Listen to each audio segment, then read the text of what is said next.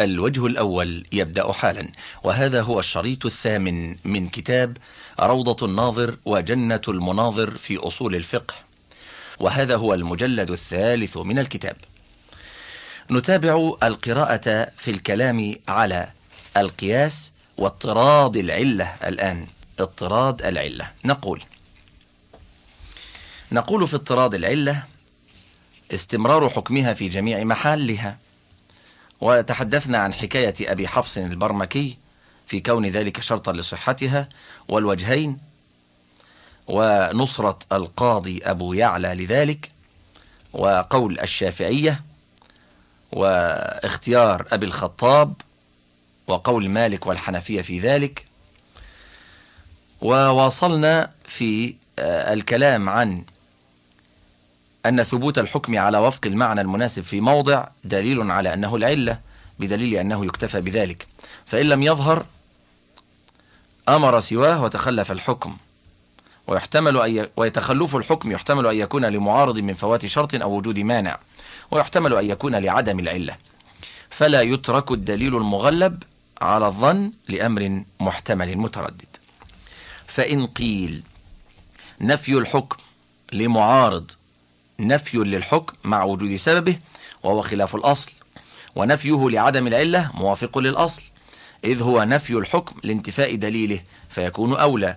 قلنا هو مخالف للأصل من جهة أخرى وهو أن فيه نفي العلة مع قيام دليلها. والأصل توفير دليل المقتضي على المقتضى فيتساويان. ودليل العلة ظاهر. والظاهر لا يعارض بالمحتمل المتردد. وفرق قوم بين العلة المنصوص عليها وبين المستنبطة وجعل نقض المستنبطة مبطلا لها. وإن كانت ثابتة بنص أو إجماع فلا يقدح ذلك فيها لأن كونها علة عرف بدليل متأكد قوي. وتخلف الحكم يحتمل أن يكون لفوات شرط أو وجود مانع فلا يترك الدليل القوي لمطلق الاحتمال. ولأن ظن ثبوت العلة من النص وظن انتفاء العلة من انتفاء الحكم مستفاد بالنظر والظنون الحاصلة بالنصوص أقوى من الظنون الحاصلة بالاستنباط. وإن كان ثبوت العلة بالاستنباط بطلت بالنقد لأن ثبوت الحكم على وفق المعنى. إن دل على اعتبار الشرع له في موضع فتخلف الحكم عنه يدل على أن الشرع ألغاه. وقول القائل إنني أعتبره إلا في موضع أعرض الشرع عنه ليس بأولى ممن قال أعرض عنه إلا في موضع اعتبره الشرع بالتنصيص على الحكم. ثم إن جوز وجود العلة مع انتفاء الحكم من غير مانع ولا تخلف شرط فليجز ذلك في محل النزاع. قولهم ثبوت الحكم على وفق المعنى في موضع دليل على أنه علة. قلنا وتخلف الحكم مع وجوده دليل على أنه ليس بعلة. فإن انتفاء الحكم لانتفاء دليله موافق للأصل وانتفاءه لمعارض على خلاف الأصل.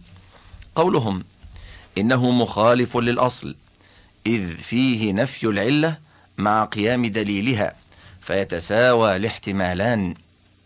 قلنا متى سلمتم أن احتمال انتفاء الحكم لانتفاء السبب كاحتمال انتفائه لوجود المعارض على السواء؟ لم يبق ظن صحة العلة إذ يلزم من الشك في دليل الفساد الشك في الفساد لا محالة.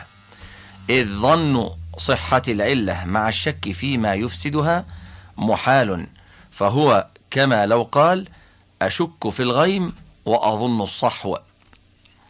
وأشك في موت زيد وأظن حياته. قولهم دليل العلة ظاهر؟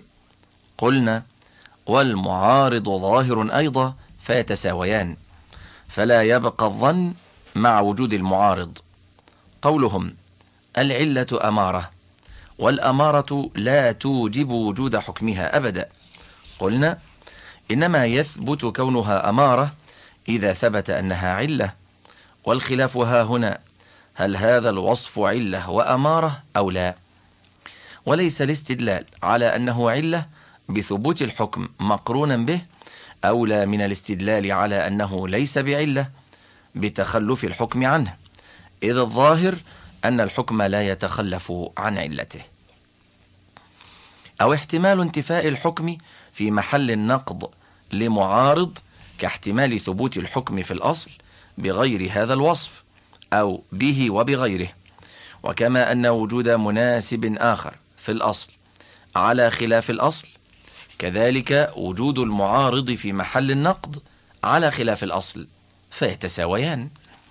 وبهذا يتبين الفرق بين العلة المنصوص عليها والمستنبطة. فإن المنصوص عليها يثبت كونها أمارة بغير اقتران الحكم بها فلا يقدح فيها تخلفه عنها كما لا يقدح في كون الغيم أمارة على المطر تخلفه عنه في بعض الأحوال. والمستنبطة.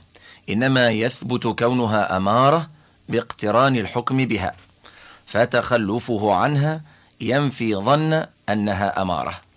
فإذا طريق الخروج عن عهدة النقض أربعة أمور. أحدها منع العلة في صورة النقض والثاني منع وجود الحكم والثالث أن يبين أنه مستثنى عن القاعدة بكونه على خلاف الأصلين. وإن أمكن المعترض إبراز قياس لا ينتقد بمسألة النقد كانت علته المضطردة أولى من المنقوضة ولم يقبل دعوى المعلل أنه خارج عن القياس. والرابع بيان ما يصلح معارضا في محل النقد أو تخلف ما يصلح شرطا ليظن أن انتفاء الحكم كان لأجله فيبقى الظن المستفاد من مناسبة الوصف. وثبوت الحكم على وفقه كما كان فإن الغالب من ذات الشرع اعتبار المصالح والمفاسد. فيظن أن عدم الحكم للمعارض فلا تكون العلة منتقضة. فصل تخلف الحكم عن العلة على ثلاثة أضرب. أحدها ما يعلم أنه مستثنى عن قاعدة القياس كإيجاب الدية على العاقلة دون الجاني. مع أن جناية الشخص علة وجوب الضمان عليه. وإيجاب صاع من تمر في لبن المصراه مع أن علة إيجاب المثل في المثليات تماثل الأجزاء. فهذه العلة معلومة قطعا فلا تنتقض بهذه الصورة. ولا يكلف المستدل الاحتراز عنها. وكذلك لو كانت العلة مظنونة كإباحة بيع العرايا نقضا لعلة من يعلل الربا بالكيل أو الطعم فإنه مستثنى أيضا بدليل وروده على علة كل معلل فلا يوجب نقضا على القياس ولا يفسد العلة بل يخصصها بما وراء الاستثناء فيكون علة في غير محل الاستثناء. ولا يقبل قول المناظر إنه مستثنى إلا أن يبين ذلك للخصم بكونه على خلاف قياسه أيضا. أو بدليل يصلح لذلك. فإن قيل فلم لا ينعطف قيد على العلة؟ يكون وصفا من أوصافها يندفع به النقض. فنقول في مسألة المصراه العلة في وجوب المثل تماثل الأجزاء مع قيد الإضافة إلى غير المصراه ويكون التماثل المطلق بعض العلة. وعلى هذا يكون تخلف الحكم في المصراه لعدم العلة فلا يكون نقضا فليجب على المعلل ذلك. قلنا بل العلة مطلق التماثل فإن العلة إما أن تكون سميت علة استعارة من البواعث فإن الباعث على الفعل يسمى علة الفعل. فمن أعطى فقيرا شيئا لفقره وعلل بأنه فقير. ثم منع فقيرا آخر وقال لأنه عدوي. ومنع آخر وقال هو معتزلي. فإن الباقي على الاستقامة التي يقتضيها أصل الفطرة لا يستبعد ذلك ولا تعده متناقضا. ويجوز أن يقول أعطيته لفقره إذ الباعث هو الفقر. وقد لا تحضره عند الإعطاء العداوة والاعتزال وانتفاؤهما. ولو كان جزئين من الباعث لم ينبعث إلا عند حضورهما في ذهنه. وقد انبعث ولم يخطر بباله إلا مجرد الفقر. كذلك مجرد التماثل علة لأنه الذي يبعثنا على إيجاب المثل في ضمانه ولا تحضرنا مسألة المصراه أصلا في تلك الحالة. ويقبح في مثل هذا أن يكلف الاحتراز عنه فيقول تماثل في غير المصراه وإما أن تسمى العلة استعارة من علة المريض لأنها اقتضت تغيير حاله. وإما أن تسمى العلة استعارة من علة المريض لأنها اقتضت تغيير حاله. كذلك العلة الشرعية اقتضت تغيير الحكم. فيجوز أن يسمى الوصف المقتضي علة بدون تخلف الشرط ووجود المانع. فإن البرودة مثلا علة المرض في المريض لأنه يظهر عقيبها وإن كانت لا تحصل بمجرد البرودة. بل ربما ينضاف إليها في المزاج الأصلي أمور كالبياض مثلا.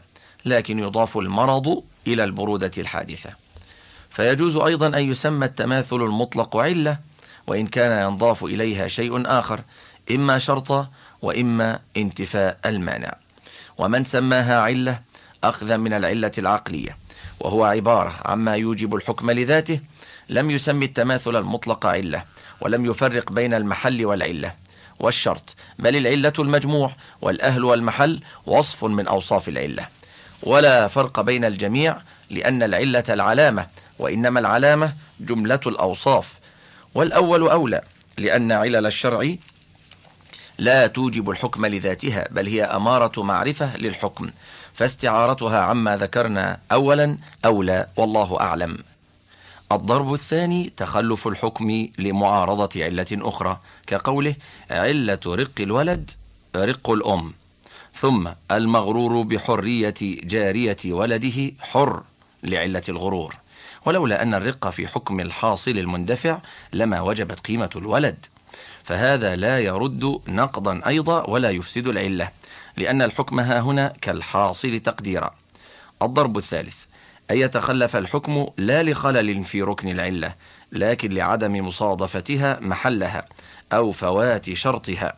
كقولنا السرقة علة القطع وقد وجدت في النباش فيقطع. فيقال تبطل سرقة ما دون النصاب وبسرقة الصبي أو بسرقة من غير الحرز. وكقولنا البيع علة الملك وقد جرى فليثبت الملك في زمن الخيار. فيقال يبطل بيع الموقوف والمرهون. فهذا لا يفسد العلة. لكن هل يكلف المناظر جمع هذه الشروط في دليله كي لا يرد ذلك نقضا فهذا اختلف فيه الجدليون والخطب فيه يسير. فإن الجدل موضوع فكيف اصطلح عليه؟ فإليهم ذلك. والأليق تكليفه ذلك لأن الخطب فيه يسير وفيه ضم نشر الكلام وجمعه. فأما تخلف الحكم لغير أحد هذه الأضرب الثلاثة فهو الذي تنتقض العلة به وفيه من الاختلاف ما قد مضى. فصل. والمستثنى من قاعدة القياس منقسم إلى ما عقل معناه وإلى ما لا يعقل.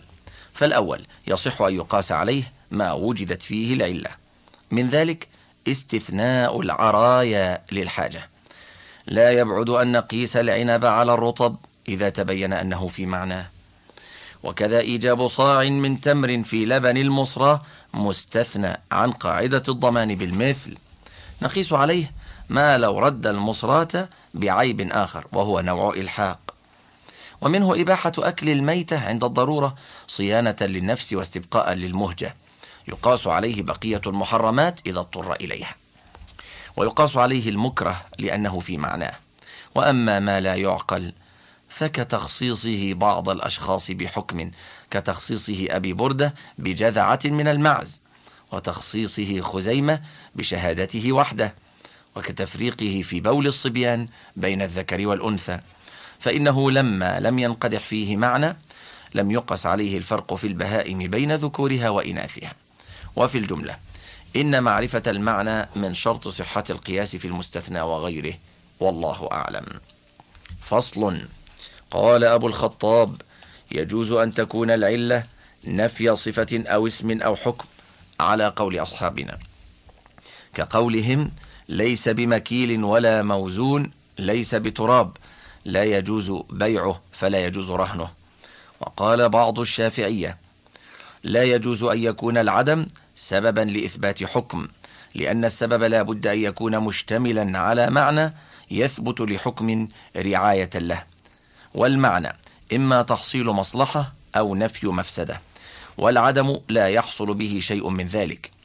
فلئن قلتم إنه تحصل به الحكمة فإن ما كان نافعا فعدمه مضر وما كان مضرا فعدمه يلزم منه منفعة ويكفي في مظنة الحكم أن يلزم منها الحكمة. ولا يشترط أن يكون منشأ لها. قلنا لا ننكر ذلك لكن لا يناسب حكما في حق كل أحد بل إعدام النافع يناسب عقوبة في حق من وجد منه الإعدام زجرا له وإعدام المضر يناسب حكما نافعا في حق من وجد منه إعدامه حثا له على تعاطي مثله. فالمناسبة في الموضعين انتسبت إلى الإعدام وهو أمر وجودي لا إلى العدم. فلئن قلتم إن عدم الأمر النافع للشخص يناسب ثبوت حكم نافع له جبرا لحاله قلنا عنه جوابان. أحدهما منع المناسبة فإنه لا يخلو. إما أن تثبت المناسبة بالنسبة إلى الله عز وجل أو إلى غيره. وفي الجملة شرع الجائز إنما يكون معقولا على من وجد منه الضرر. وأما شرعه في حق غيره عدول عن مذاق القياس ومقتضى الحكمة. كإيجاب ضمان فرس زيد على عمرو إذا تلف بآفة سماوية.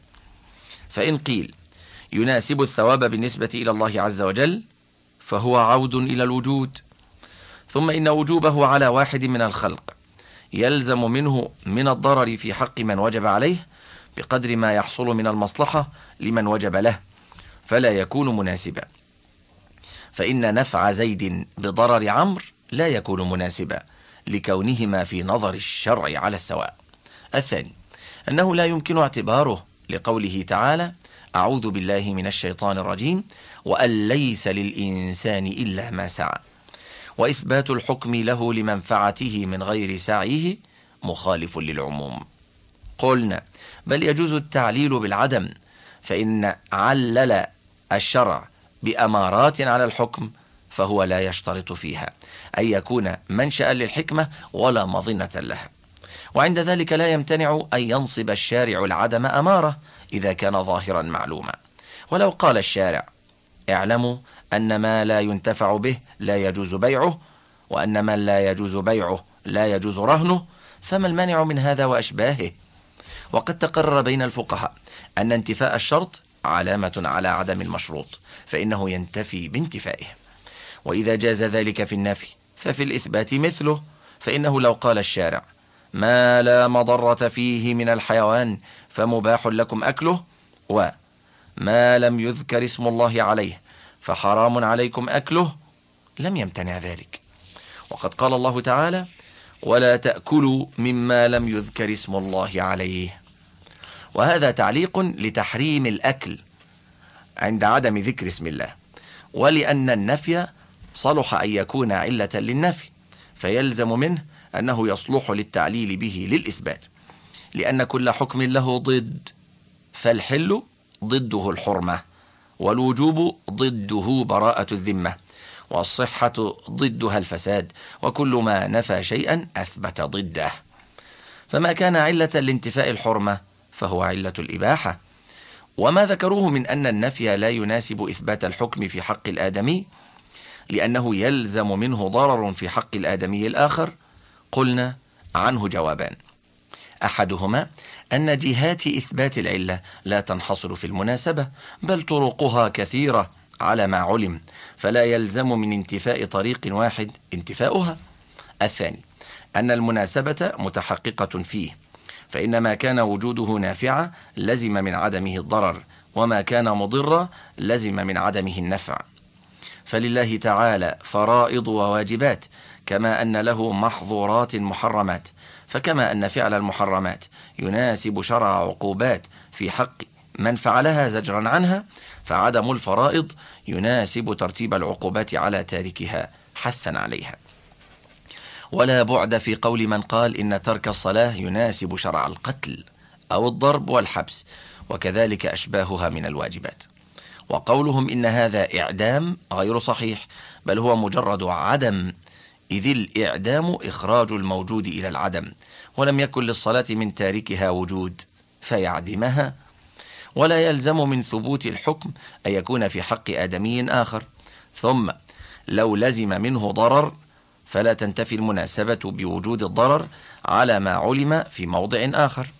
ومثل هذا يوجد في الإثبات فلا فرق إذن وقوله تعالى وأن ليس للإنسان إلا ما سعى يتناول ما له دون ما عليه فليست عامة فلا يصح الاستدلال بها على عموم التعليل بالنفي. على أن الآية إنما أريد بها الثواب في الآخرة دون أحكام الدنيا بدليل أن فقر القريب صلح علة لإيجاب النفقة له. وعدم المال في حق المسكين جعله مصرفا للزكاة وأمثال هذا يكثر والله أعلم. فصل يجوز تعليل الحكم بعلتين لأن العلة الشرعية أمارة فلا يمتنع نصب علامتين على شيء واحد. ولذلك من لمس وبال في وقت واحد انتقض وضوءه بهما. ومن أرضعتها أختك وزوجة أخيك فجمع لبنهما وانتهى إلى حلقها دفعة واحدة حرمت عليك لأنك خالها وعمها.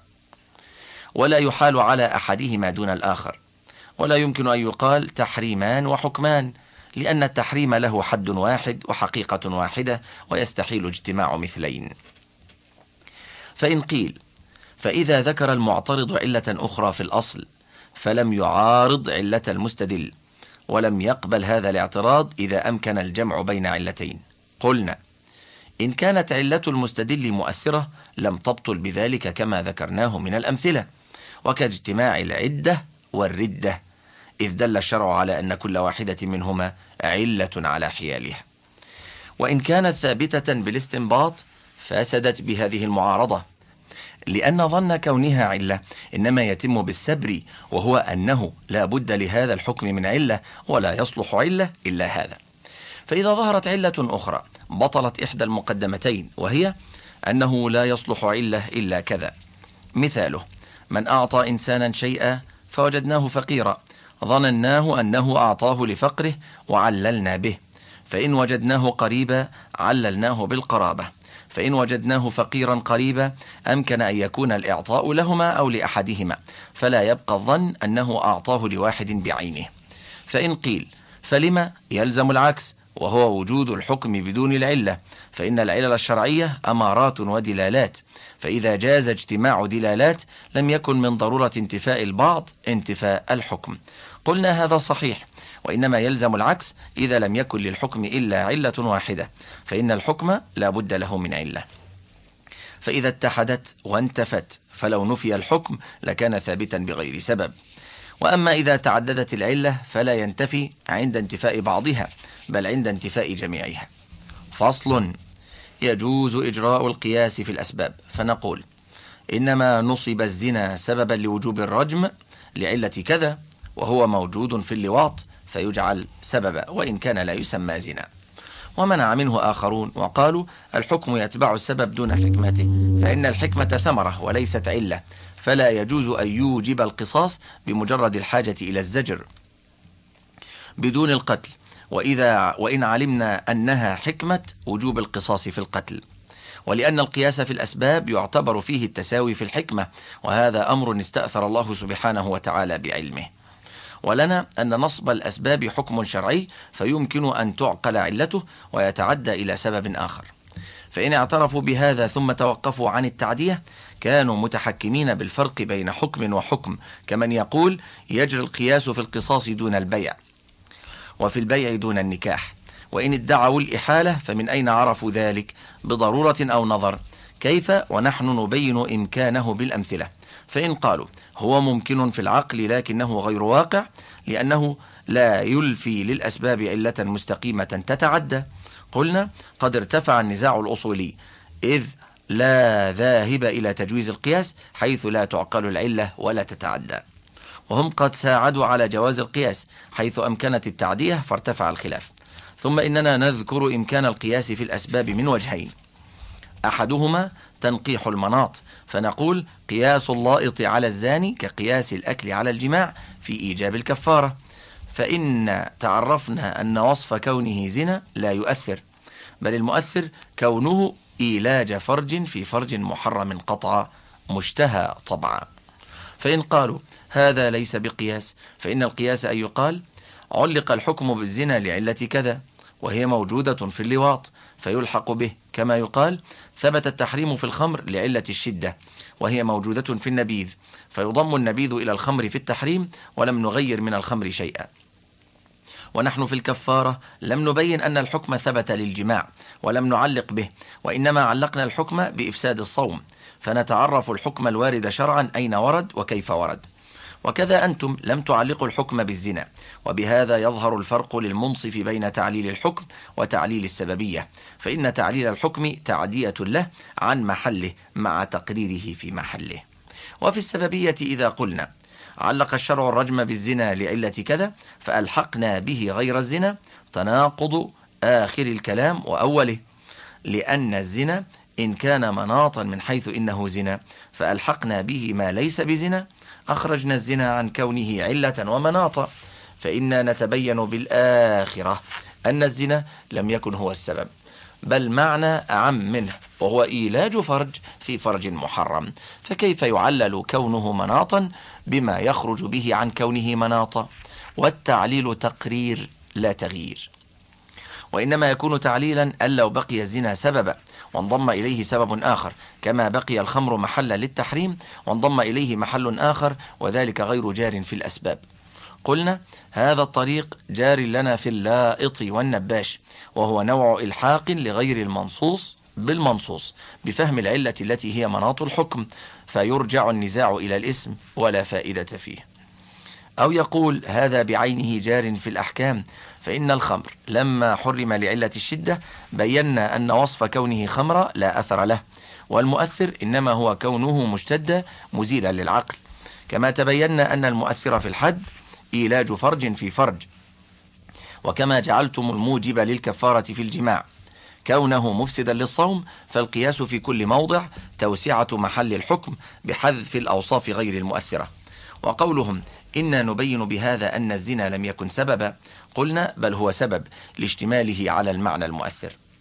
المنهج الثاني أن نعلل الحكم بالحكمة ونعدي الحكم بتعديها كما في قوله عليه السلام لا يقضي القاضي بين اثنين وهو غضبان إنما جعل الغضب سببا لأنه يدهش العقل ويمنع من استيفاء الفكر وهو موجود في الجوع والعطش المفرطين فنقيسه عليه.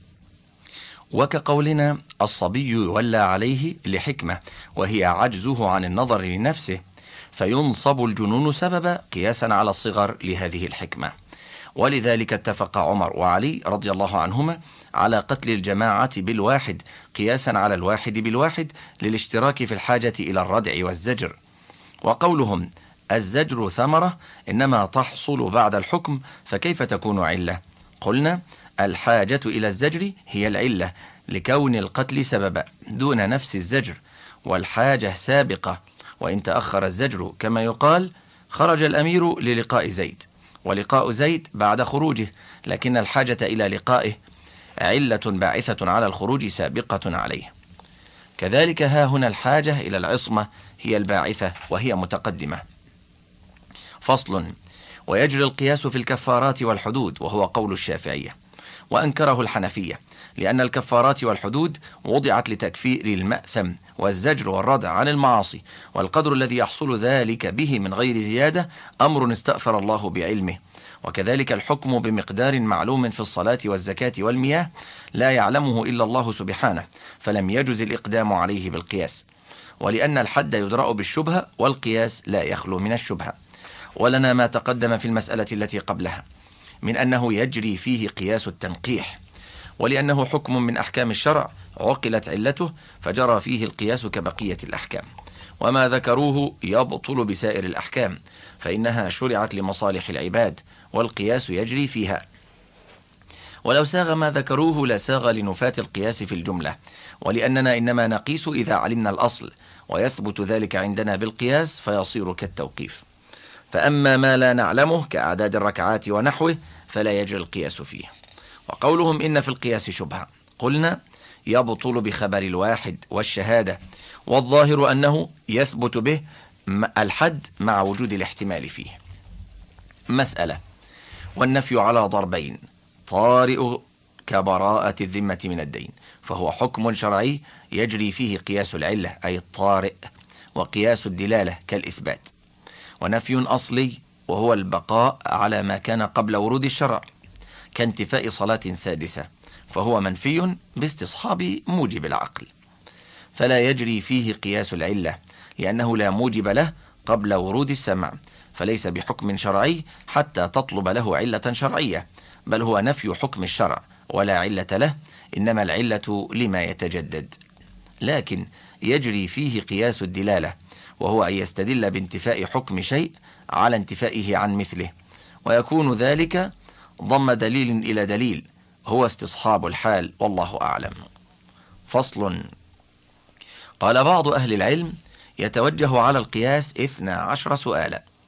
الاستفسار وفساد الاعتبار وفساد الوضع والمنع والتقسيم والمطالبة والنقد والقول بالموجب والقلب وعدم التأثير والمعارضة والتركيب.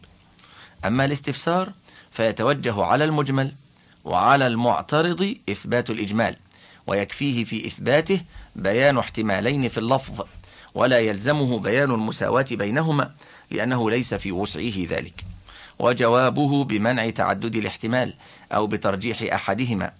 السؤال الثاني فساد الاعتبار. وهو أن يقول هذا قياس يخالف نصا فيكون باطلا.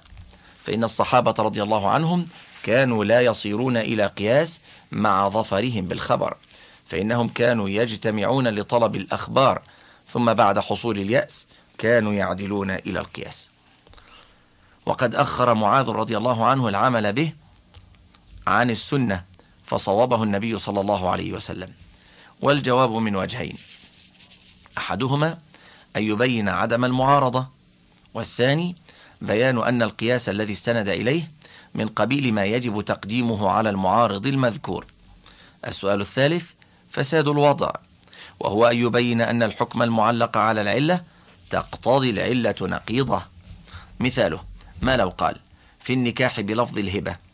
لفظ الهبة ينعقد به غير النكاح فلا ينعقد به النكاح كالإجارة. فيقال له هذا تعليق على العلة ضد ما تقتضيه. فإن انعقاد غير النكاح به يقتضي انعقاد النكاح به لا عدم الانعقاد. وجوابه من وجهين. أحدهما أن يدفع قول الخصم إنه يقتضي نقيض ذلك. الثاني أن يسلم ذلك ويبين أنه يقتضي ما ذكره من وجه آخر. والحكم على وفقه فيجب تقديمه لأن الأخذ بما ظهر اعتباره أولى من الأخذ بغيره. فلئن ذكر الخصم لما ذكره أصلا يشهد له بالاعتبار فهو انتقال إلى سؤال المعارضة. السؤال الرابع المنع ومواقعه أربعة. منع حكم الأصل ومنع وجود ما يدعيه علة ومنع كونه علة ومنع وجوده في الفرع. وقد اختلف في انقطاع المستدل عند توجه منع الحكم في الأصل والصحيح أنه لا ينقطع على التفصيل الذي ذكرناه. الثاني منع وجود ما يدعيه علة في الأصل فعند ذلك يحتاج المستدل إلى إثباته إن كان عقلية بالاسترواح إلى أدلة العقل وإن كان محسوسا بالاستناد إلى شهادة الحس وإن كان شرعيا فبدليل شرعي. وقد يقدر على ذلك بإثبات أثر أو أمر يلازمه. الثالث منع كونه علة فيحتاج إلى إثباتها بأحد الطرق التي ذكرناها. الرابع منع وجود ما ادعاه علة في الفرع ولا بد من بيان ذلك بطريقه. السؤال الخامس التقسيم. وحقه أن يقدم على المطالبة إذ فيه منع والمطالبة تسليم محض والمنع بعد التسليم غير مقبول إذ هو رجوع عما اعترف به والتسليم بعد المنع يقبل لأنه اعتراف بما أنكر فيقبل لأنه عليه. والإنكار بعد الاعتراف له فلا يقبل ويشترط لصحته شرطان. أحدهما أن يكون ما ذكره المستدل منقسما إلى ما يمنع ويسلم. فلو أورد ذلك بذكر زيادة في الدليل على ما ذكره المستدل فلا يصح لأنه يمهد لنفسه شيئا ثم يوجه الاعتراض فحينئذ يكون مناظرا مع نفسه لا مع خصمه. الثاني أن يكون حاصرا لجميع الأقسام فإنه إذا لم يكن حاصرا فللمستدل أن يبين أن مورده غير ما عينه المستدل بالذكر فعند ذلك يندفع. وطريق المعترض في صيانة تقسيمه عن هذا الدفع أن يقول عند التقسيم إن عانيت به هذا المحتمل فمسلم والمطالبة متوجهة وإن عانيت به ما عداه فممنوع. وذكر قوم أن من شرط صحته أن يكون الاحتمال في الأقسام على السواء لكن يكفيه بيان الاحتمالات ولا يلزمه بيان المساواة لكونه غير مقدور عليه. وأنه إذا بين المستدل ظهور اللفظ في مجمل إما بحكم الوضع وإما بحكم العرف وإما بقرينة وجدت فسد التقسيم. قال ولو لم يكن اللفظ مشهورا في أحدهما فللمستدل أن يبين ظهوره بأن يقول للمعترض سلمت أن اللفظ غير ظاهر في هذا المحتمل. ولا بد للمعترض من تسليم ذلك ضرورة صحة تقسيمه. فإن شرطه تساوي الاحتمالات وأنا أسلم ذلك أيضا فيلزم أن يكون ظاهرا في الاحتمال الذي عنيته ضرورة نفي الاشتراك فإنه على خلاف الأصل. ويمكن أن يمنع أن تساوي الاحتمالات شرط إذ لا حجر على المستدل أن يفسر كلامه بما يحتمله. وإن كان الظاهر خلافه. فكذلك لا حجر على المقسم في تقسيمه إلى ما يمكن المستدل أن يفسر كلامه به. وجواب التقسيم من حيث الجدل بدفع انقسام الكلام أو بيان ظهور أحد الاحتمالين أو ببيان أن الكلام غير منحصر في الأقسام المذكورة. وإن اختار الجواب الفقهي فأمكنه الدلالة على المنع. واختيار القسم المسلم فالأحسن اختيار القسم المسلم لأنه يستغني عن الدلالة على المنع. وإن اختار القسم الآخر جاز فإن فيه تكثيرا للفقه. وإن لم يقدر إلا على سلوك أحد الطريقين فليسلك.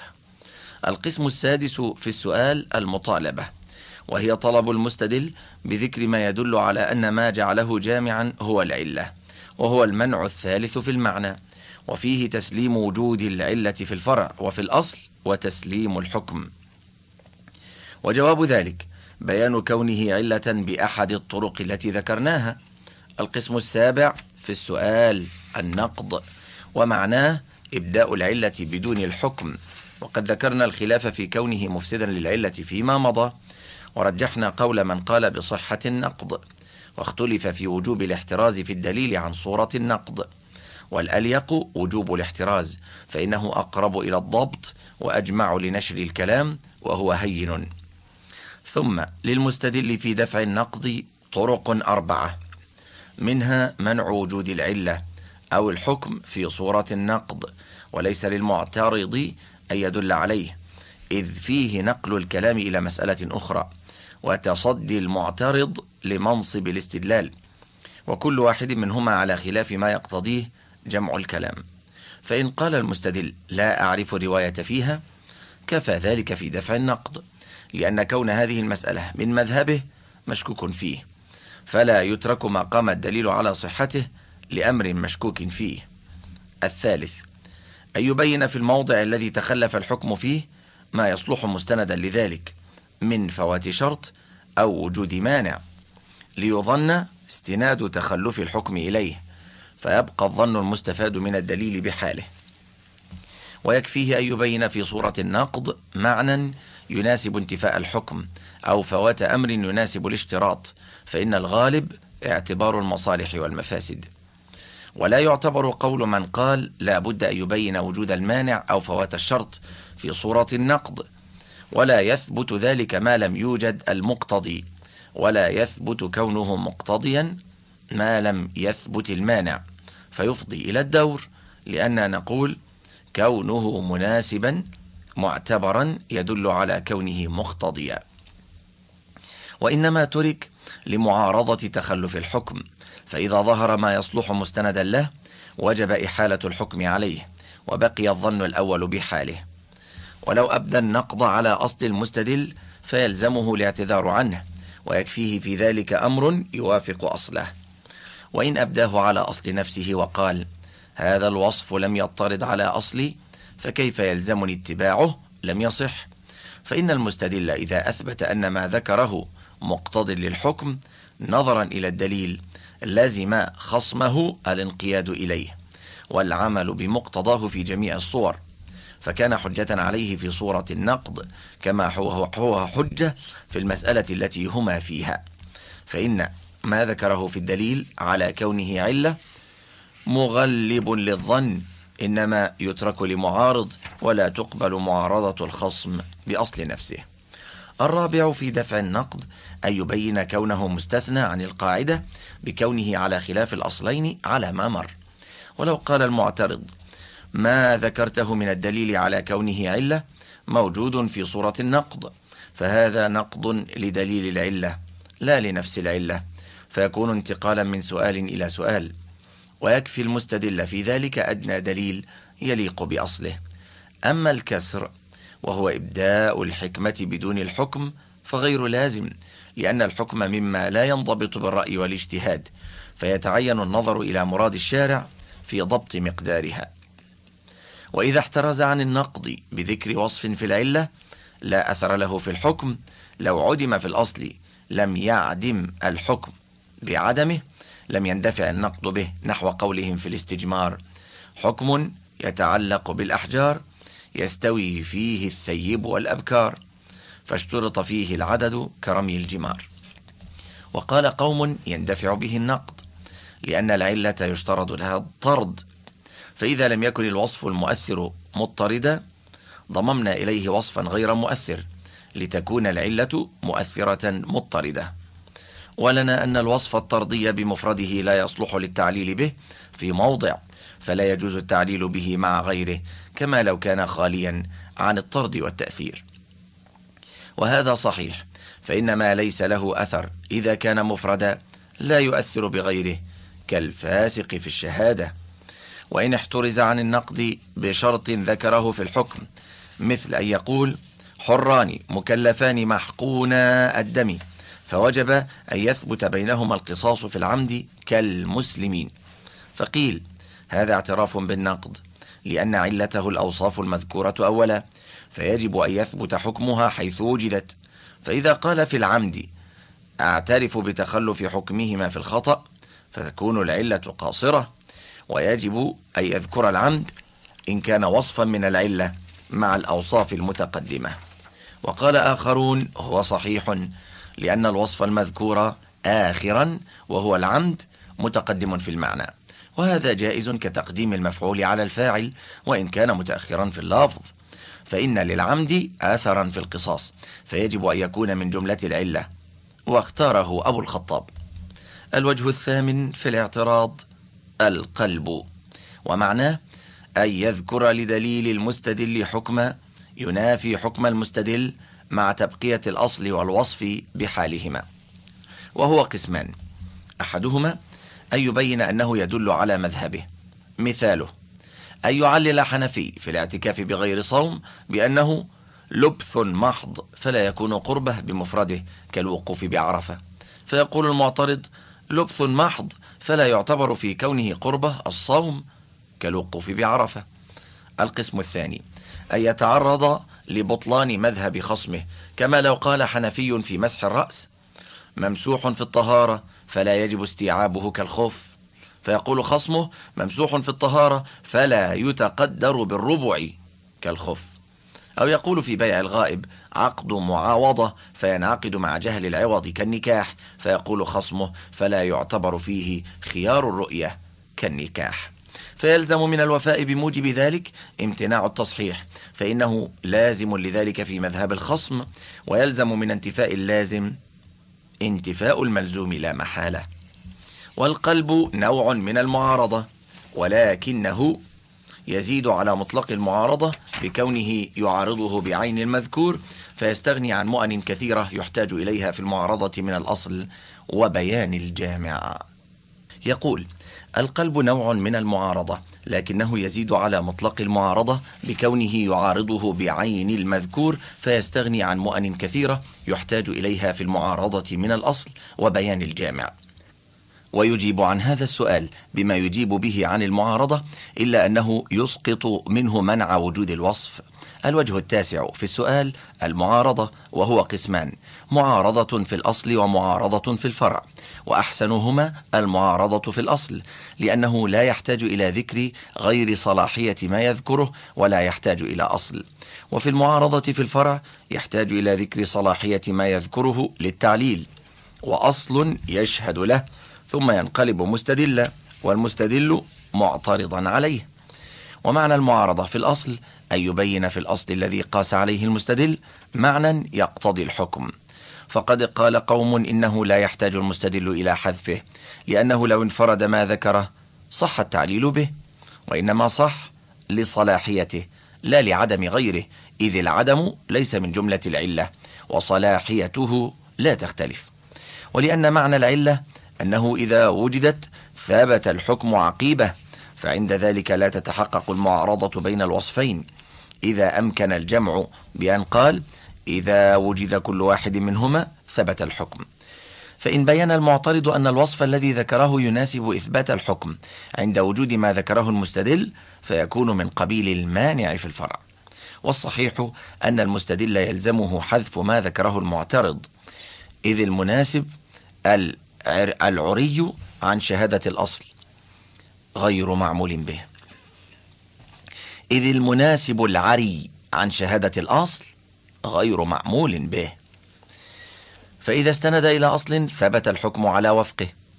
فالناظر المجتهد ليس له العمل به ما لم يبحث بحيث يستفيد ظنا غالبا أنه ليس ثم مناسب آخر. وأما المناظر فيكفيه مجرد تقرير المناسبة وإثبات الحكم على وفقه دفعا لشغب الخصم إلى أن يبين المعترض في الأصل مناسبا آخر. فعند ذلك يتعارض احتمالات ثلاثة. أحدها أن يثبت الحكم رعاية لما ذكره المستدل واحتمال ثبوته رعاية لما ذكره المعترض واحتمال ثبوته رعاية لهما جميعا.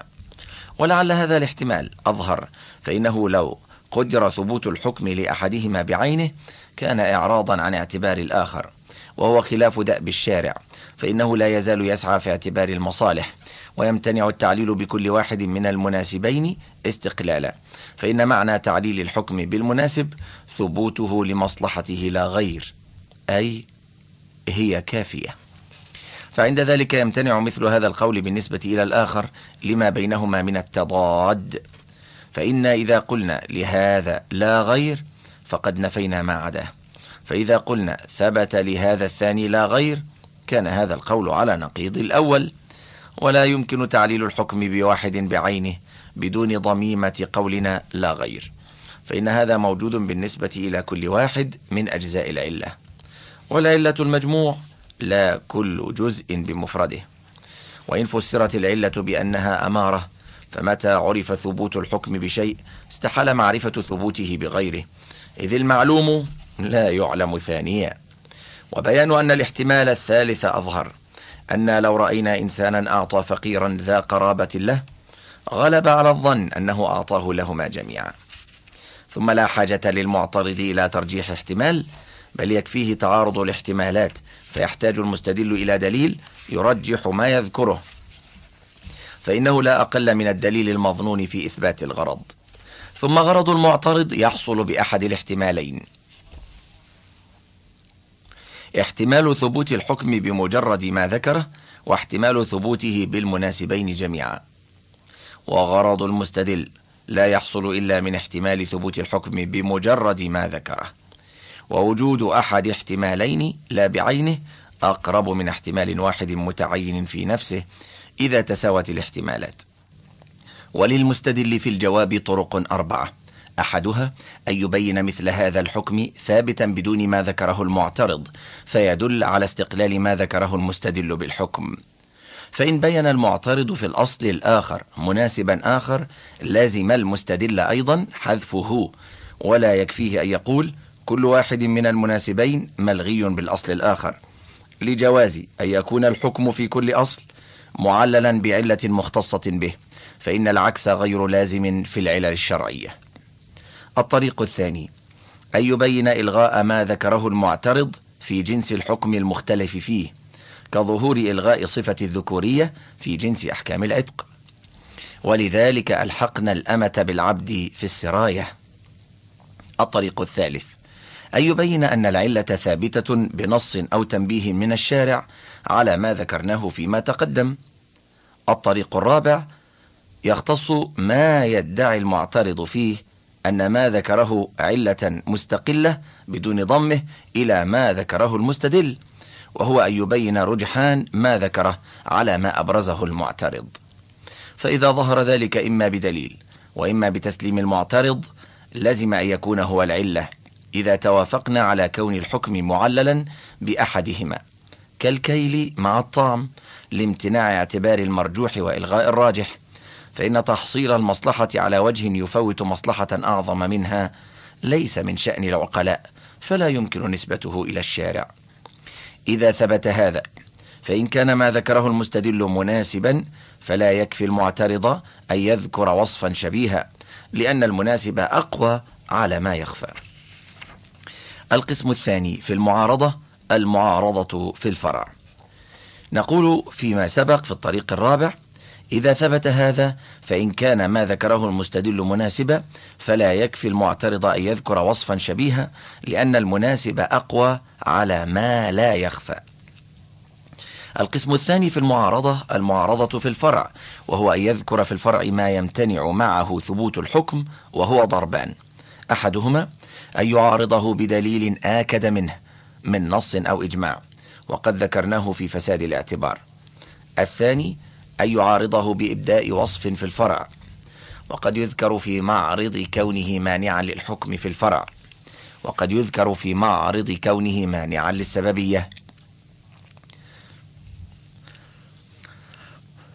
فإن ذكره مانعا للحكم احتاج في إثبات كونه مانعا إلى مثل طريق المستدل في إثبات حكمه من العلة والأصل. ويفتقر إلى أن تكون علة المعترض في القوة كعلة المستدل إن كان طريق المستدل النص أو التنبيه. فلا يكفي المعترض المعارضة بوصف مخيل. وإن كان طريقه المناسبة فلا يكفي المعترض المعارضة بوصف شبهي. وإن ادعى كونه مانعا للسببية فقد قيل لا يحتاج إلى أصل فإن الحكم ثبت للحكمة وقد علمنا انتفاءها. وإن بقي احتمال الحكمة ولو على بعد لم يضر المستدل لما عرف من دأب الشارع الاكتفاء بعد المظنة باحتمال الحكمة. وإن بعد فيحتاج إلى أصل يشهد له بالاعتبار ليبين به أن الشارع لا يكتفي بما وجد من احتمال الحكمة معه. وفي المعارضة في الفرع ينقلب المستدل معترضا على دليل المعترض بما أمكنه من الأسئلة التي ذكرناها. وقد قال قوم لا تقبل المعارضة لأن حق المعترض هدم ما بناه المستدل وذكر المعارضة بناء فلا يليق بحاله والصحيح أنها تقبل إذ فيه هدم ما بناه فإن دليل المستدل إذا صار معارضا لم تبق دلالته إذ المعارض له حكم العدم في إثبات الحكم. الوجه العاشر في السؤال عدم التأثير ومعناه أن يذكر في الدليل ما يستغنى عنه في إثبات الحكم في الأصل. إما لأن الحكم يثبت بدونه وإما لكونه وصفا طرديا. مثال الأول ما لو قال في بيع الغائب مبيع لم يره فلا يصح بيعه كالطير في الهواء. فذكر عدم الرؤية ضائع فإن الحكم يثبت في الأصل بدونه فإنه لا يصح بيع الطير في الهواء. ولو كان مرئيا فيعلم أن العلة فيه غير ما يذكره المستدل. ومثال الثاني قولهم في الصبح صلاة لا يجوز قصرها فلا يجوز تقديمها على الوقت كالمغرب. فإن هذا وصف طردي على ما لا يخفى. وإن ذكر الوصف لدفع النقد لكونه يشير إلى خلو الفرع عن المانع أو إلى اشتماله على شرط للحكم فلا يكون من هذا القسم. وهكذا لو كان الوصف المذكور يشير إلى اختصاص الدليل ببعض صور الخلاف فيكون مفيدا لغرض في بعض الصور ويكون مقبولا إذا لم تكن الفتية عامة. وإن عمم الفتيا فليس له أن يخص الدليل ببعض الصور لأنه لا يفي بالدليل على ما أفتى به والله أعلم. الوجه الحادي عشر في السؤال التركيب. وهو القياس المركب من اختلاف مذهب الخصم. كما لو قيل في المرأة البالغة إنها أنثى لا تزوج نفسها كابنة خمس عشرة. فالخصم يعتقد أنها لا تزوج نفسها لصغرها. فقيل هذا قياس فاسد لأنه فرار عن فقه المسألة برد الكلام إلى مقدار سن البلوغ وهي مسألة أخرى. وليس ذلك بأولى من عكسه. وقيل يصح التمسك به لأن حاصل السؤال راجع إلى المنازعة في الأصل. وإبطال ما يدعي المعترض تعليل الحكم به ليسلم ما يدعيه من الجامع في الأصل. ولا يلزم من ذلك فساد القياس كما في سائر المواضع. الوجه الثاني عشر في السؤال القول بالموجب. وحقيقته تسليم ما جعله المستدل موجبا لدليله مع بقاء الخلاف. وإذا توجه انقطع المستدل. وهو آخر الأسئلة. إذ بعد التسليم والحكم لا تجوز له المنازعة في واحد منهما بل إما يصح فينقطع المستدل وإما أن يفسد فينقطع المعترض. ومورد ذلك موضعان أحدهما أن ينصب الدليل فيما يعتقده مأخذا للخصم. كما لو قال في القتل بالمثقل التفاوت في الوسيلة لا يمنع وجوب القصاص كالتفاوت في المتوسل إليه. فيقول المعترض أنا قائل بموجب الدليل والتفاوت في الوسيلة لا يمنع وجوب القتل ولا يلزم القصاص فإنه لا يلزم من عدم المانع ثبوت الحكم. وهذا النوع يتفق كثيرا وطريق المستدل في دفعه أن يبين لزوم محل النزاع منه إن قدر عليه أو يبين أن الخلاف مقصود فيما يعرض له في الدليل. كما في مسألة المديون لو ذكر في الدليل حكم أن الدين لا يمنع وجوب الزكاة. أو في مسألة وطء الثيب أن الوطأ لا يمنع الرد. ونحو ذلك مما اشتهرت المسألة به فإن اشتهار المسألة به يدل على وقوع الخلاف فيه. أو يقول عن هذا الحكم سئلت وبه أفتيت وعن دليله سئلت فالقول بموجبه تسليم لما وقع التنازع بيننا فيه. واختلف في تكليف المعترض إبداء مستند القول بالموجب.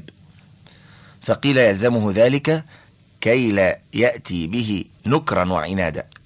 ومنهم من قال لا يلزمه ذلك. فإنه إذا سلم ما ذكره المستدل وعرف أنه لا يلزم منه الحكم فقد وفى بما هو حقيقة القول بالموجب وبقي الخلاف بحاله فيتبين أن ما ذكره ليس بدليل. المورد الثاني أن يتعرض لحكم يمكن المعترض تسليمه مع بقاء الخلاف. مثاله لو قال في وجوب زكاة الخيل حيوان تجوز المسابقة عليه فتجب الزكاة فيه كالإبل. فيقول المعترض أنا قائل بموجبه وعندي أنه تجب فيه زكاة التجارة والنزاع في زكاة العين. وطريق المستدل في الدفع أن يقول النزاع في زكاة العين. وقد عرفنا الزكاة بالألف واللام في سياق الكلام فينصرف إلى موضع الخلاف ومحل الفتياء ولو أورد القول بالموجب على وجه يغير الكلام عن ظاهره فلا يتوجه فيكون منقطعا. مثاله ما لو قال المستدل في إزالة النجاسة مائع لا يرفع الحدث فلا يزيل النجس كالمرق. فيقول المعترض أقول به فإن الخل النجس عندي لا يزيل النجاسة ولا الحدث. فلا يصح ذلك فإنه يعلم من حال المستدل أنه يعني بقوله مائع الخل الطاهر إذ هو محل النزاع واللفظ يتناوله والله سبحانه أعلم. وقد يعترض على القياس بغير ما ذكرناه كقول نفاة القياس هذا استعمال للقياس في الدين ولا نسلم أنه حجة. وقول الحنفية هذا استعمال للقياس في الحدود والكفارات أو في المضان ونحو ذلك مما بينا مسائله فيما مضى. وذكرنا حجة خصومنا والجواب عنها فلا حاجة إلى إعادته. وقد اختلف في وجوب ترتيب الأسئلة. ولا خلاف في أنه أحسن وأولى والله سبحانه وتعالى أعلم. فصل في حكم المجتهد. اعلم أن الاجتهاد في اللغة بذل المجهود واستفراغ الوسع في فعل ولا يستعمل إلا فيما فيه جهد. يقال اجتهد في حمل الرحى ولا يقال اجتهد في حمل خردلة. وهو في عرف الفقهاء مخصوص ببذل المجهود في العلم بأحكام الشرع. والاجتهاد التام أن يبذل الوسع في الطلب إلى أن يحس من نفسه بالعجز عن مزيد طلب. وشرط المجتهد إحاطته بمدارك الأحكام المثمرة لها وهي الأصول التي فصلناها الكتاب والسنة والإجماع واستصحاب الحال والقياس التابع لها وما يعتبر في الحكم في الجملة وتقديم ما يجب تقديمه منها. فأما العدالة فليست شرطا لكونه مجتهدا. بل متى كان عالما بما ذكرناه فله أن يأخذ باجتهاد نفسه. لكنها شرط لجواز الاعتماد على قوله فمن ليس عدلا لا تقبل فتياه. والواجب عليه في معرفة الكتاب معرفة ما يتعلق منه بالأحكام وهي قدر خمسمائة آية. ولا يشترط حفظها بل علمه بمواقعها حتى يطلب الآية المحتاج إليها وقت حاجته. والمشترط في معرفة السنة معرفة أحاديث الأحكام وهي وإن كانت كثيرة فهي محصورة ولا بد من معرفة الناسخ والمنسوخ من الكتاب والسنة ويكفيه أن يعرف أن المستدل به في هذه الحادثة غير منسوخ. ويحتاج أن يعرف الحديث الذي يعتمد عليه فيها أنه صحيح غير ضعيف.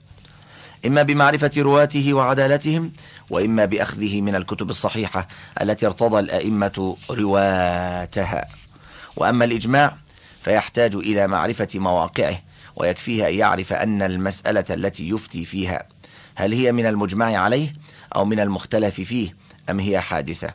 ويعلم استصحاب الحال على ما ذكرناه في بابه ويحتاج إلى معرفة نصب الأدلة وشروطها.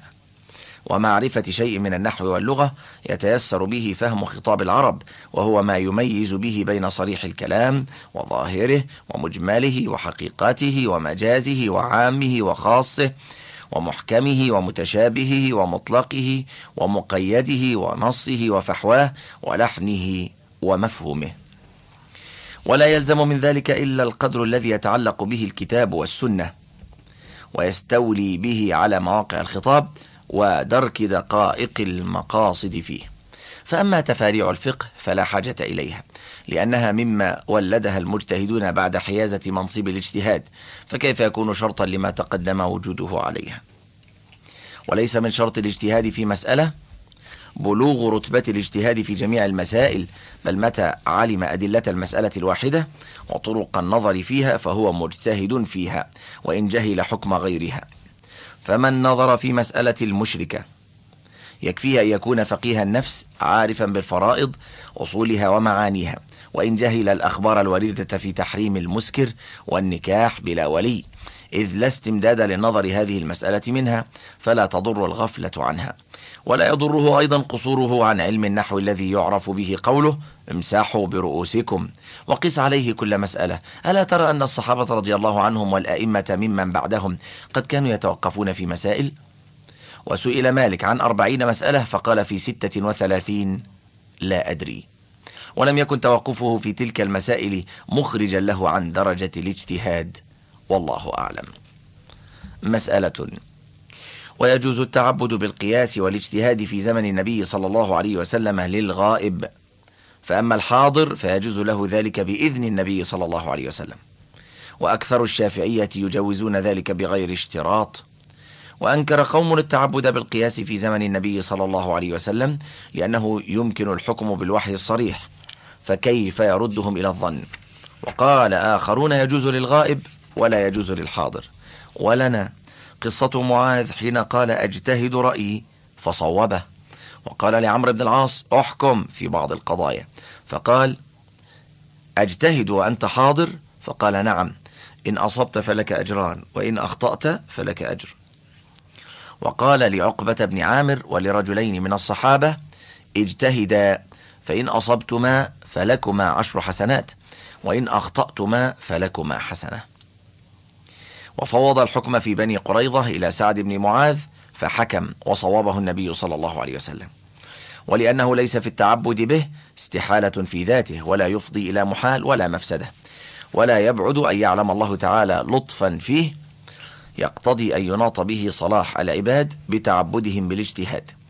لعلمه أنه لو نص لهم على قاطع لعصوا كما ردهم في قاعدة الربا إلى الاستنباط من الأعيان الستة مع إمكان التنصيص على كل مكيل وموزون أو مطعوم وكان الصحابة رضي الله عنهم يروي بعضهم عن بعض مع إمكان مراجعة النبي صلى الله عليه وسلم.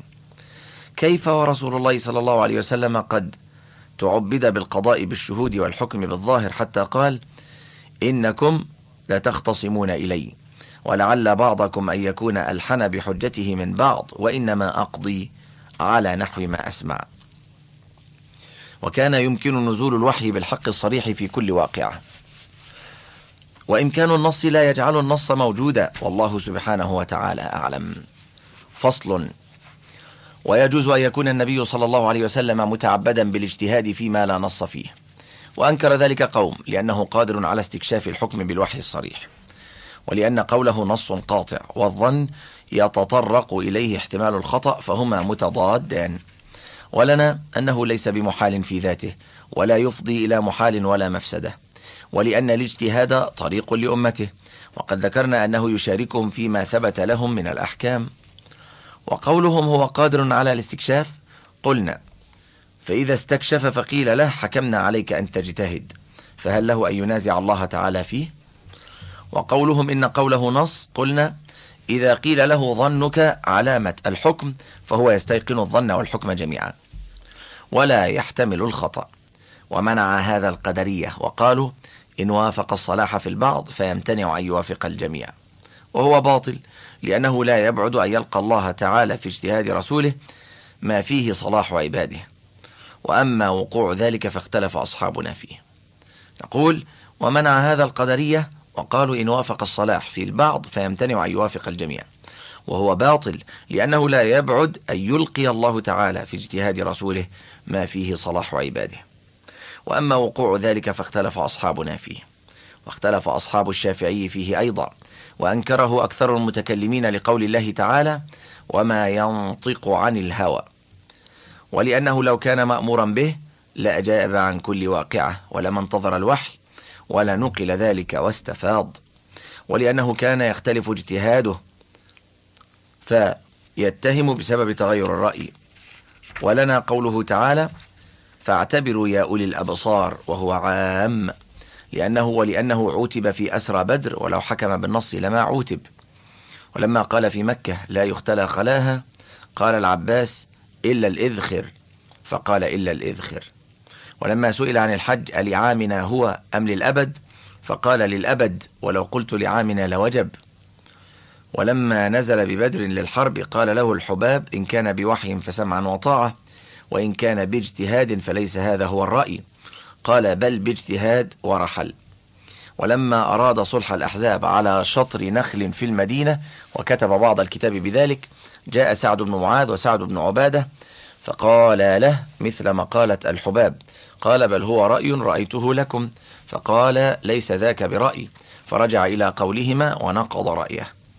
ولأن داود وسليمان عليهما السلام حكما بالاجتهاد بدليل قوله تعالى ففهمناها سليمان ولو حكم بالنص لم يخص سليمان بالتفهيم ولو لم يكن الحكم بالاجتهاد جائزا لما مدحهما الله تعالى بقوله وكلا آتينا حكما وعلما وأما انتظار الوحي فلعله حيث لم ينقدح له اجتهاد أو حكم لا يدخله الاجتهاد. وأما الاستفاضة فلعله لم يطلع عليه الناس. وأما التهمة بتغيير الرأي فلا تعويل عليه فقد اتهم بسبب النسخ ولم يبطله وعورض بأنه لو لم يتعبد بالاجتهاد لفاته ثواب المجتهدين. فصل الحق في قول واحد في قول واحد من المجتهدين ومن عداه مخطئ سواء كان في فروع الدين أو أصوله. لكنه إن كان في فروع الدين مما ليس فيه دليل قاطع من نص أو إجماع فهو معذور غير آثم وله أجر على اجتهاده. وبه قال بعض الحنفية والشافعية. وقال بعض المتكلمين كل مجتهد مصيب وليس على الحق دليل مطلوب. واختلف فيه عن أبي حنيفة والشافعي. وزعم بعض من يرى تصويب كل مجتهد أن دليل هذه المسألة قطعي وفرض الكلام في طرفين. أحدهما مسألة فيها نص فينظر. فإن كان مقدورا عليه فقصر المجتهد في طلبه فهو مخطئ آثم لتقصيره. وإن لم يكن مقدورا عليه لبعد المسافة وتأخير المبلغ فليس بحكم في حقه. بدليل أن الله تعالى لما أمر جبريل أن يخبر محمدا صلى الله عليه وسلم بتحويل القبلة إلى الكعبة فصلى قبل إخبار جبريل إياه لم يكن مخطئا. ولما بلغ النبي صلى الله عليه وسلم وأهل قباء يصلون إلى بيت المقدس لم يبلغهم لم يكونوا مخطئين. ولو بلغ أهل قباء فاستمر أهل مكة على الصلاة إلى أن بلغهم لم يكونوا مخطئين. وإذا ثبت هذا فيما فيه نص ففيما لا نص فيه أولى. ولا يخلو إما أن تكون الإصابة ممكنة أو محالة ولا تكليف بالمحال. ومن أمر بممكن فتركه أثم وعصى إذ يستحيل أن يكون مأمورا ولم يعصي ولم يأثم بالمخالفة لمناقضة ذلك للإيجاب. وزعم أن هذا تقسيم قاطع يرفع الخلاف مع كل منصف. ثم قال الظنيات لا دليل فيها فإن الأمارات, الظن فإن الأمارات الظنية ليست أدلة لأعيانها بل تختلف بالإضافات من دليل يفيد الظن لزيد ولا يفيده لعمر مع إحاطته به. بل ربما يفيد الظن الشخصي واحد في حالة دون حالة بل قد يقوم في حق شخص واحد.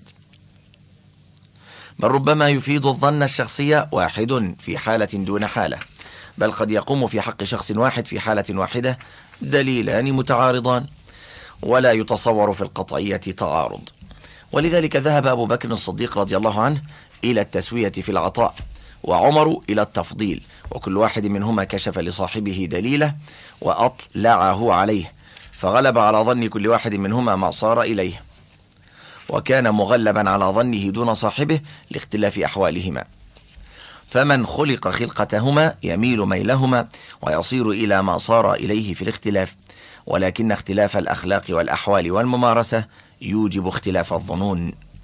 فمن مارس الكلام ناسب طبعه أنواعا من الأدلة يتحرك بها ظنه ولا يناسب ذلك طبع من مارس الفقه. ومن غلب عليه الغضب مالت نفسه إلى ما فيه السياسة والانتقام. ومن رق طبعه مال إلى الرفق والمساهلة. بخلاف أدلة العقول فإنها لا تختلف. وذهب أهل الظاهر وبعض المتكلمين إلى أن الإثم غير محطوط في الفروع بل فيها حق متعين عليه دليل قاطع. لأن العقل القاطع بالنفي الأصلي إلا ما استثناه دليل سمعي قاطع.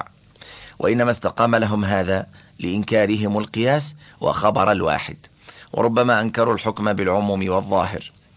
وزعم الجاحظ أن مخالف ملة الإسلام إذا نظر فعجز عن درك الحق فهو معذور غير آثم.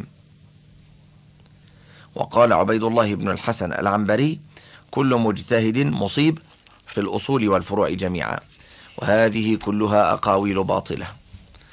أما الذي ذهب إليه الجاحظ فباطل يقينا وكفر بالله تعالى ورد عليه وعلى رسوله صلى الله عليه وسلم. فإنا نعلم قطعا أن النبي صلى الله عليه وسلم أمر اليهود والنصارى بالإسلام واتباعه وذمهم على إصرارهم وقاتل جميعهم وقتل البالغ منهم. ونعلم أن المعاند العارف مما يقل وإنما الأكثر مقلدة. اعتقدوا دين آبائهم تقليدا ولم يعرفوا معجزة الرسول وصدقه. والآيات الدالة في القرآن على هذا كثيرة. كقوله تعالى ذلك ظن الذين كفروا فويل للذين كفروا من النار. و وذلكم ظنكم الذي ظننتم بربكم أرداكم فأصبحتم من الخاسرين. وإن هم إلا يظنون و ويحسبون أنهم على شيء و ويحسبون أنهم مهتدون والذين ضل سعيهم في الحياة الدنيا وهم يحسبون أنهم يحسنون صنعا وأولئك الذين كفروا بآيات ربهم ولقائه. وفي الجملة ذم المكذبين لرسول الله صلى الله عليه وسلم مما لا ينحصر في الكتاب والسنة. وقول العنبري كل مجتهد مصيب إن أراد أنهم لم يؤمروا إلا بما هم عليه فهو كقول الجاحظ. وإن أراد أن ما اعتقده فهو على اعتقاده فمحال. إذ كيف يكون قدم العالم وحدثه حق وتصديق الرسول وتكذيبه ووجود الشيء ونفيه؟ وهذه أمور ذاتية لا تتبع الاعتقاد بل الاعتقاد يتبعها. فهذا شر من مذهب الجاحظ. بل شر من مذهب السوفسطائية فإنهم نفوا حقائق الأشياء وهذا أثبتها وجعلها تابعة للمعتقدات. وقد قيل إنما أراد اختلاف المسلمين وهو باطل كيفما كان إذ كيف يكون القرآن قديما مخلوقا والرؤية محالا ممكنا وهذا محال. والدليل على أن الحق في جهة واحدة الكتاب والسنة والإجماع والمعنى. أما الكتاب فقول الله تعالى وداود وسليمان إذ يحكمان في الحرث إذ نفشت فيه غنم القوم وكنا لحكمهم شاهدين ففهمناها سليمان وكلا آتينا حكما وعلما. فلو استويا في إصابة الحكم لم يكن لتخصيص سليمان بالفهم معنى. وهو يدل على فساد مذهب من قال الإثم غير محطوط عن المخطئ. فإن الله تعالى مدح كلا منهما وأثنى عليه بقوله وكلا آتينا حكما وعلما. فإن قيل فكيف يجوز أن ينسب الخطأ إلى داود وهو نبي؟ ومن أين لكم أنه حكم باجتهاده؟ وقد علمتم الاختلاف في جواز ذلك. ثم لو كان مخطئا كيف يمدح المخطئ وهو يستحق الذم؟ ثم يحتمل أنهما كانا مصيبين فنزل الوحي بموافقة أحدهما. قلنا يجوز وقوع الخطأ منهم. لكن لا يقرون عليه. وقد ذكرنا ذلك فيما مضى. وإذا تصور وقوع الصغائر منهم فكيف يمتنع وجود خطأ لا مأثم فيه؟ صاحبه مثاب مأجور. ولولا ذلك ما عوتب نبينا عليه الصلاة والسلام على الحكم في أسار بدر. ولا في الإذن في التخلف عن غزوة تبوك. فقال عفى الله عنك لما أذنت لهم. وقال النبي صلى الله عليه وسلم إنكم لتختصمون إلي ولعل بعضكم أن يكون ألحن بحجته من بعض وإنما أقضي على نحو ما أسمع. فمن قضيت له بشيء من حق أخيه فلا يأخذه. فإنما أقطع له قطعة من النار. فبين أنه يقضي للرجل بشيء من حق أخيه. وقولهم من أين لكم أنه حكم بالاجتهاد؟ قلنا الآية دليل عليه. فإنه لو حكم بنص لما اختص سليمان بالفهم دونه. وقولهم إن النص نزل بموافقة سليمان.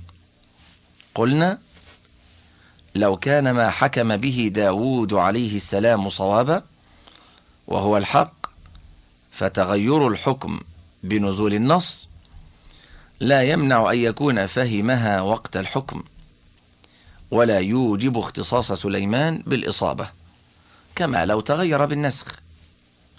وأما السنة فما تقدم من الخبر فإن النبي صلى الله عليه وسلم أخبر بأنه يقضي للإنسان بحق أخيه. ولو كان يأثم بذلك لم يفعله النبي صلى الله عليه وسلم. ولو كان ما قضى به هو الحكم عند الله تعالى لما قال قضيت له بشيء من حق أخيه ولا قال إنما أقطع له قطعة من النار ولأن الحكم عند عند الله تعالى لا يختلف باختلاف لحن المتخاصمين أو المتخاصمين أو تساويهما. وروي أن النبي صلى الله عليه وسلم كان إذا بعث جيشا أوصاهم فقال إذا حاصرتم حصنا أو مدينة فطلبوا منكم أن تنزلوهم على حكم الله فلا تنزلوهم على حكم الله فإنكم لا تدرون ما يحكم الله فيهم. وروى ابن عمر رضي الله عنهما وعمرو بن العاص وأبو هريرة وغيرهم أن النبي صلى الله عليه وسلم قال إذا اجتهد الحاكم فأصاب فله أجران وإن أخطأ فله أجر. هذا لفظ رواية عمرو أخرجه مسلم. وهو حديث تلقته الأمة بالقبول وهو صريح في أنه يحكم باجتهاده فيخطئ ويؤجر دون أجر المصيب. فإن قيل المراد به أنه أخطأ مطلوبة دون ما كلفه كخطأ الحاكم رد المال إلى مستحقه مع إصابته حكم الله عليه وهو اتباع موجب ظنه. وخطأ المجتهد جهة القبلة مع أن فرضه جهة يظن أن مطلوبه فيها. وهذا يتحقق في كل مسألة فيها نص أو اجتهاد يتعلق بتحقيق المناط كأروش الجنايات وقدر كفاية القريب. فإن فيها حقيقة معينة عند الله وإن لم يكلف المجتهد طلبها. قلنا فإذا سلم هذا ارتفع النزاع. فإننا لا نقول إن المجتهد يكلف إصابة الحكم وإنما لكل مسألة حكم معين يعلمه الله. كلف المجتهد طلبه فإن اجتهد فأصابه فله أجران. وإن أخطأه فله أجر على اجتهاده وهو مخطئ. وإثم الخطأ محطوط عنه. كما في مسألة القبلة بل القبلة. فإن المصيبة لجهة الكعبة عند الاختلاف المجتهدين فيها واحد. ومن عداه مخطئ يقينا يمكن أن يبين له خطأه. فيلزمه إعادة الصلاة عند قوم ولا يلزمه عند آخرين لا لكونه مصيبا لها بل سقط عنه التوجه إليها لعجزه عنها. وهكذا كون حق زيد عند عمرو. إذا اختلف فيه مجتهدان فالمصيب أحدهما والآخر مخطئ. إذ لا يمكن كون ذمة عمرو مشغولة بريئة. وتخصيص ذلك بما فيه نص خلاف موجب العموم وهو باطل أيضا. فإن القياس معنى النص. ونحن نتعرف بالبحث المعنى الذي قصده النبي صلى الله عليه وسلم فهو كالنص. وأما الإجماع فإن الصحابة رضي الله عنهم اشتهر عنهم في وقائع لا تخفى إطلاق الخطأ على المجتهدين من ذلك. قول أبي بكر رضي الله عنه في الكلالة. أقول فيها برأيي فإن يكن صوابا فمن الله وإن يكن خطأ فمني ومن الشيطان. والله ورسوله منه بريئا. وعن ابن مسعود في قصة بروع مثل ذلك. وقال عمر رضي الله عنه لكاتبه اكتب هذا ما رآه عمر فإن يكن صوابا فمن الله وإن يكن خطأ فمن عمر. وقال في قضية قضاها والله ما يدري عمر أصاب أم أخطأ. ذكره الإمام أحمد في رواية بكر بن محمد عن أبيه. وقال علي لعمر في المرأة التي أرسل إليها فأجهضت أو فأجهضت ذا بطنها فأجهضت ذا بطنها وقد استشار عثمان وعبد الرحمن فقال لا شيء عليك. إنما أنت مؤدب. وقال علي إن يكونا قد اجتهدا فقد أخطأ. وإن يكونا ما اجتهدا فقد غشاك. عليك الدية. فرجع عمر إلى رأيه. وقال علي في إحراق الخوارج لقد عثرت عثرة لا تنجبر. سوف أكيس بعدها أو أستمر. أرفع من ذيلي ما كنت أجر. هذا الشطر في الهامش. فقط هذا الشطر فقط في الهامش. أرفع من ذيلي ما كنت أجر وأجمع الرأي الشتيت المنتشر. وقال ابن عباس ألا يتقي الله زيد؟ يجعل ابن لابن ابن ولا يجعل أبا الأب أبا؟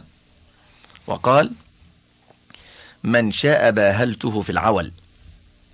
وقالت عائشة أبلغي زيد بن أرقم أنه قد أبطل جهاده مع رسول الله صلى الله عليه وسلم إلا أن يتوب. وهذا اتفاق منهم على أن المجتهد يخطئ. فإن قيل لعلهم نسبوا الخطأ إليه لتقصيره في النظر. أو لكونه من غير أهل الاجتهاد أو لكون القائل لذلك يذهب مذهب من يرى التخطئة. قلنا أما الأول فجهل قبيح وخطأ صريح. كيف يستحل مسلم أن يقول إن الخلفاء الراشدين والأئمة المهديين ومن سمينا معهم من البحر ابن عباس والأمين عبد الرحمن بن عوف وأفقه الصحابة وأفرضهم وقارئهم؟ زيد بن ثابت ليسوا من أهل الاجتهاد وإن لم يك وإذا لم يكونوا من أهل, من أهل الاجتهاد فمن الذي يبلغ درجاته؟ ولا يكاد يتجاسر على هذا القول إلا ممن ليس له في الإسلام نصيب. ونسبته لهم أعيد قراءة العبارة الماضية ولا يكاد يتجاسر على هذا القول من له في الإسلام نصيب. ونسبته لهم إلى أنهم قصروا في الاجتهاد إساءة ظن بهم مع تصريحهم بخلافه. فإن علي رضي الله عنه قال إن يكون قد اجتهدا فقد أخطأ وتوقف ابن مسعود في قصة بروع شهرا. وهذا في القبح قريب من الذي قبله لكونه نسب هؤلاء الأئمة إلى الحكم بالجهل والهوى وارتكاب ما لا يحل ليصحح به قوله الفاسد فلا ينبغي أن يلتفت إلى هذا. وقولهم ذهبوا مذهب من يرى التخطئة. فكذلك هو لكن هو إجماع منهم فلا تحل مخالفته. وأما المعنى فوجوه. أحدها أن من مذهب من يقول بالتصويب محال في نفسه لأنه يؤدي إلى الجمع بين النقيضين وهو أن يكون يسير النبيذ حراما حلالا والنكاح بلا ولي صحيحا فاسدا. ودم المسلم إذا قتل الذمي مهدرا معصوما. وذمة المحيل إذا امتنع المحتال من قبول الحوالة على المليء بريئة, بريئة مشغولة. إذ ليس في المسألة حكم معين. وقول كل واحد من المجتهدين حق وصواب مع تنافيهما. قال بعض أهل العلم هذا المذهب أوله سفسطة وآخره زندقة لأنه في الابتداء يجعل الشيء ونقيضه حقا. انتهى الشريط الثامن من كتاب روضة الناظر وله بقية على الشريط التاسع والأخير.